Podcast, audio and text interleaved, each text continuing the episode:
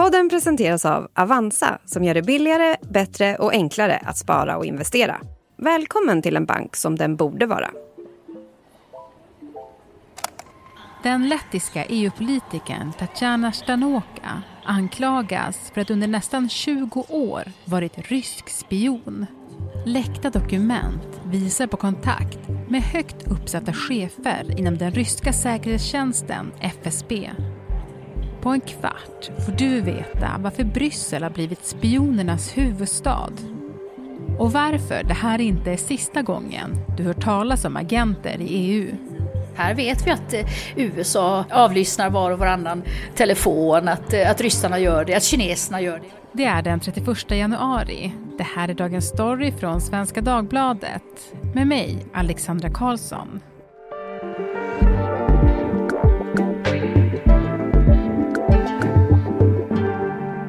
Gäst idag, Teresa Küchler, EU-korrespondent för SvD.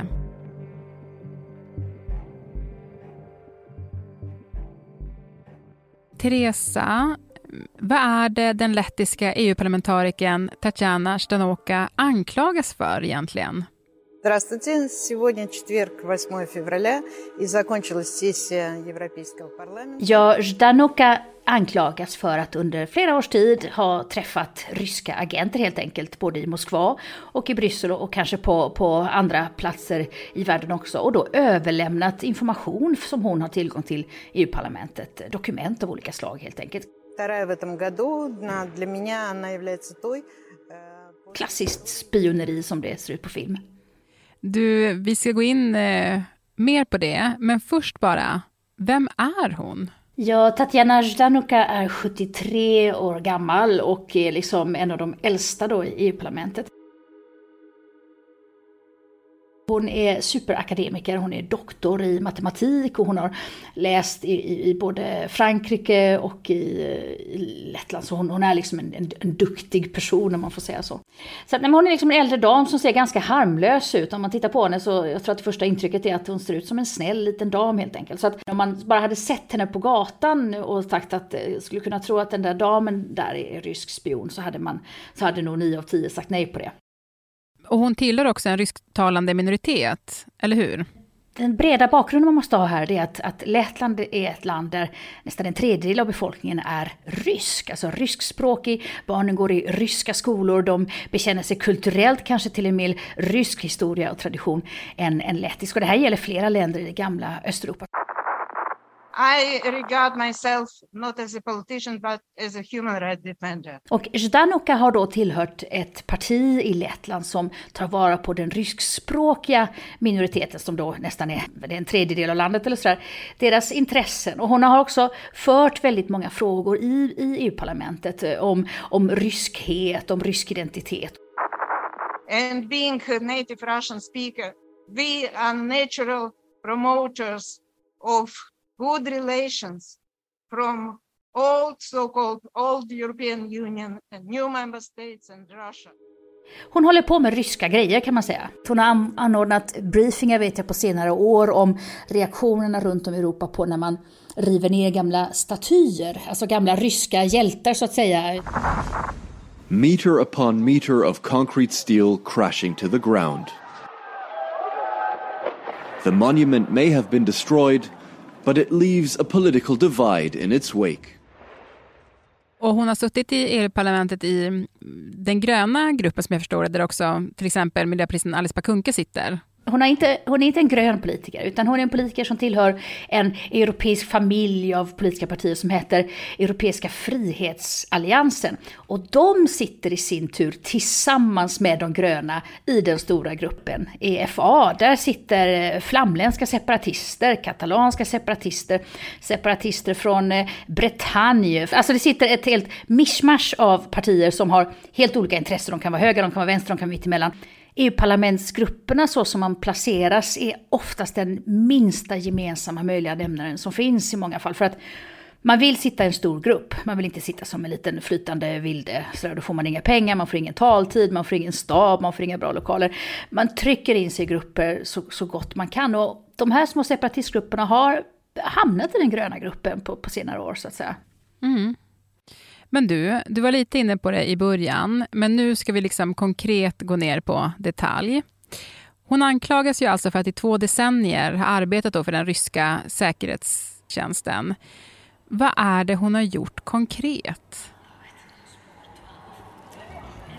men hon har ju då träffat eh, de här ryska personerna, det har varit ett par olika eh, genom åren. Det sägs att hon bara har gått till centralstationen, en av de stora tågstationerna här i Bryssel. Det finns några mailkonversationer som då Expressen är en av de eh, tidningarna som har kommit över. Där hon liksom eh, skickar mail till en person och säger jag, jag träffade dig på centralstationen, på tågstationen här och ja, vi ses vid stora ingången. Och, den här tågcentralen ligger precis här där jag bor. Det är ju den jättestora internationella eh, tågcentralen. Det påminner mycket om tågcentralen i, i Stockholm, T-centralen. Då har du liksom en jättestor hall upp till med alla dessa olika avgångar och perronger men också kaféer och restauranger och butiker. Och så har du en underjorden ner till tunnelbanan där man också kan hitta skrymslen och vrår. Där man kan då stå kanske lite ostört eller gömma sig bakom någon kafédisk eller något sånt där. Så det är en bra plats att träffa på. Men du, Teresa, hur allvarligt är det här? Den här Tatjana Zhdanuka, att hon skulle ha samröre med ryssarna tror jag inte någon är särskilt förvånad över eftersom det är det politiska mandatet hon har. Liksom. Eh, det sitter ju människor som är ryssvänliga i EU-parlamentet helt öppna utan att det är något kontroversiellt. Mm. Det som är konstigt här är väl kanske att det att det har pågått under så lång tid ändå, för de är ju ganska påpassade. Och att att belgisk säkerhetstjänst inte har haft koll på hennes möten om de har pågått i 20 års tid, eller det är lite mindre, ska ha varit fram till 2017-2018 om jag har läst rapporten rätt. Eh, det är också konstigt. Mm. Men du, alltså vilken skada kan en parlamentariker som samarbetar då med till exempel rysk underrättelsetjänst i det här fallet, vad kan den orsaka? Om man tittar på vilka utskott hon har suttit i så ser man att hon har inte suttit i grupper som diskuterar specifikt till exempel pengar till vapen till Ukraina. Men allt sånt där tas upp i korridorerna såklart, eller kanske i stora plenisalen i stora debatter. Så hon har ju tillgång till, till det. Hon kan lämna ut rapporter, hon kan lämna ut, eh, framförallt kanske berätta åt vilket håll någonting är på väg. Om hon rapporterar varje vecka till sin ryska agentkontakt att nu verkar det som att EU-parlamentet håller på att svänga eh, från att vi hade stort stöd för mer business med, med Ryssland och ett handelsavtal eller vad det kan vara, så verkar det svänga nu till andra tongångar. Då, då kan det vara viktigt för ryssarna att ta reda på det, så vet de att de ska lägga in en stöd kanske på att försöka övertyga eller driva politik på ett annat sätt gentemot Europa. Sådär.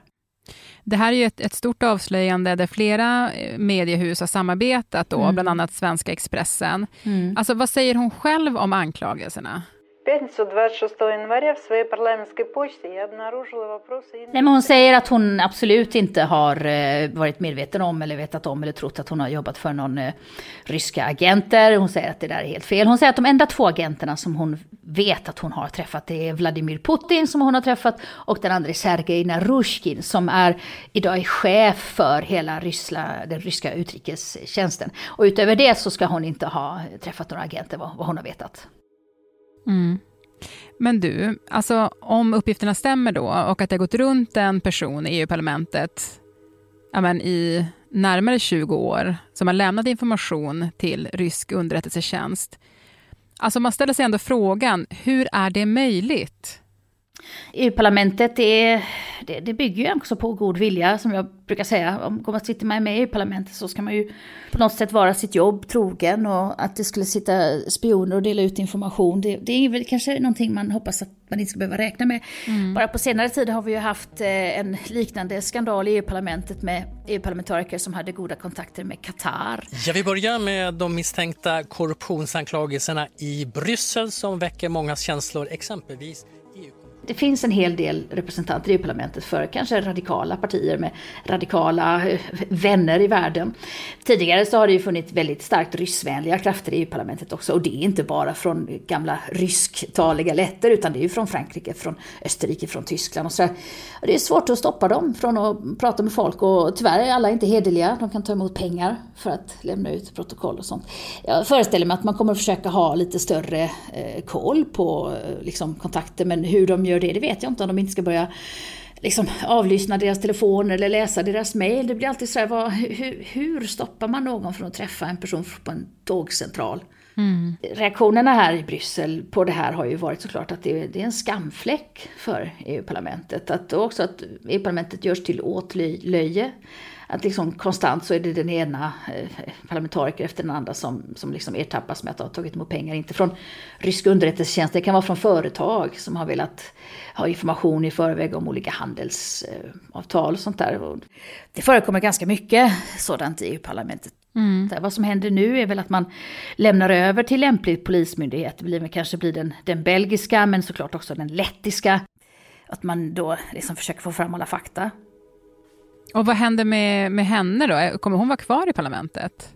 I alla fall tills hon fälls. Och det är väldigt svårt att fälla en EU-parlamentariker. De är nämligen åtalsimmuna.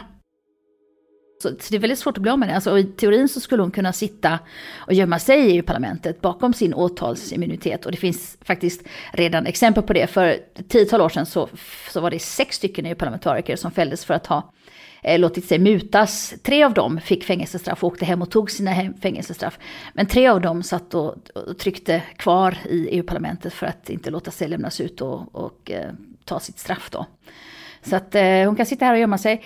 Så småningom, hon är gammal, hon är 73 år gammal. Och då är ju frågan om till slut om hon väljer att åka hem. Det spekuleras ju redan här i, i medierna, i min värld, i Brysselvärlden, att hon kanske inte åker tillbaka till Lettland, utan att hon eh, skaffar sig en fristad på äldre dagar i Ryssland.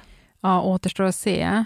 Ja, men du, när man, man hör eh, på dig, Teresa, så, så, så, känns det som att det inte är den vackraste bilden av EU-parlamentet som, som målas upp. Och det här är ju inte heller liksom det första exemplet på spioner i parlamentet, eller hur? Bryssel har ett smeknamn som är liksom eh, Eh, Eh, Europas spionhuvudstad. Och det är ju självklart sant, det är ju här stor del av politiken utformas. Här vet vi att eh, USA avlyssnar var och varannan telefon, att, eh, att ryssarna gör det, att kineserna gör det. Jag, jag som har varit engagerad i presskåren här vet ju att det sitter ett 50-tal kinesiska eh, journalister inom citationstecken som har då en sån här journalistbricka och har tillgång till de olika institutionerna, kan komma in och ut genom dörrar som de vill.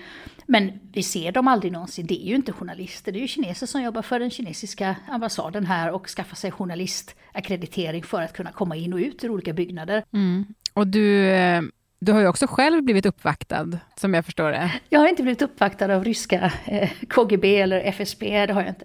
Som jag sa tidigare, jag har ju en sån där passerbricka, jag har en sån där gul journalistpasserbricka. Och med den brickan så kommer jag in i EU-parlamentet till exempel. Och när jag väl har kommit in så kan jag öppna vilken dörr jag vill. Så jag har blivit erbjuden pengar av eh, ja, PR-företag som i, ryggen hade stora företag som var intresserade av att jag med min badge skulle få pengar av dem. För att jag skulle gå in och sätta mig och lyssna på möten och sen skriva liksom någon slags rapport. Nu, nu var jag hederlig vill jag verkligen föra fram här. Och jag har inte gått på några möten åt eh, någon annan än, än eh, er kära lyssnare och, läsarna som jag skriver för. Så. Men det är inte alls ovanligt. Och jag har också blivit kontaktad av eh, vad jag tror är någon slags kinesisk person som också ville ha centralt placerade personer i Bryssel som kunde rapportera tillbaka till, med mer fakta. Det är inte alls mm. ovanligt. Nej. Och, och, och, med det sagt så, det kanske inte är sista gången som vi kommer rapportera om en spionskandal inom EU då? Nej, det tror jag inte och jag hoppas verkligen att det begränsar sig till liksom en 73-årig dam som håller konferenser om rysk identitet och, och delar ut mötesprotokoll. För den och just nu så fattas ju enorma beslut om, eh, om eh, vapen till Ukraina, pengar till Ukraina, på vilken sida man ska ställa sig i olika teorier om kriget eller ditt och datt. Och de där diskussionerna ska ju helst hållas lite låsta. Jag skulle inte bli förvånad till exempel om jag inte kan öppna alla dörrar eh, under en tid, till exempel utrikesutskottet eller sådär i EU-parlamentet eller när man diskuterar pengar och sådär. Eh, för att man väljer att lägga lite locket på där. Det är synd för, för, för medierna då som vill kunna rapportera fritt, men det kanske tyvärr är konsekvensen av att eh, vem som helst kan lyssna. Ja, fortsättning följer. Tack så jättemycket Teresa. Tack ska du ha.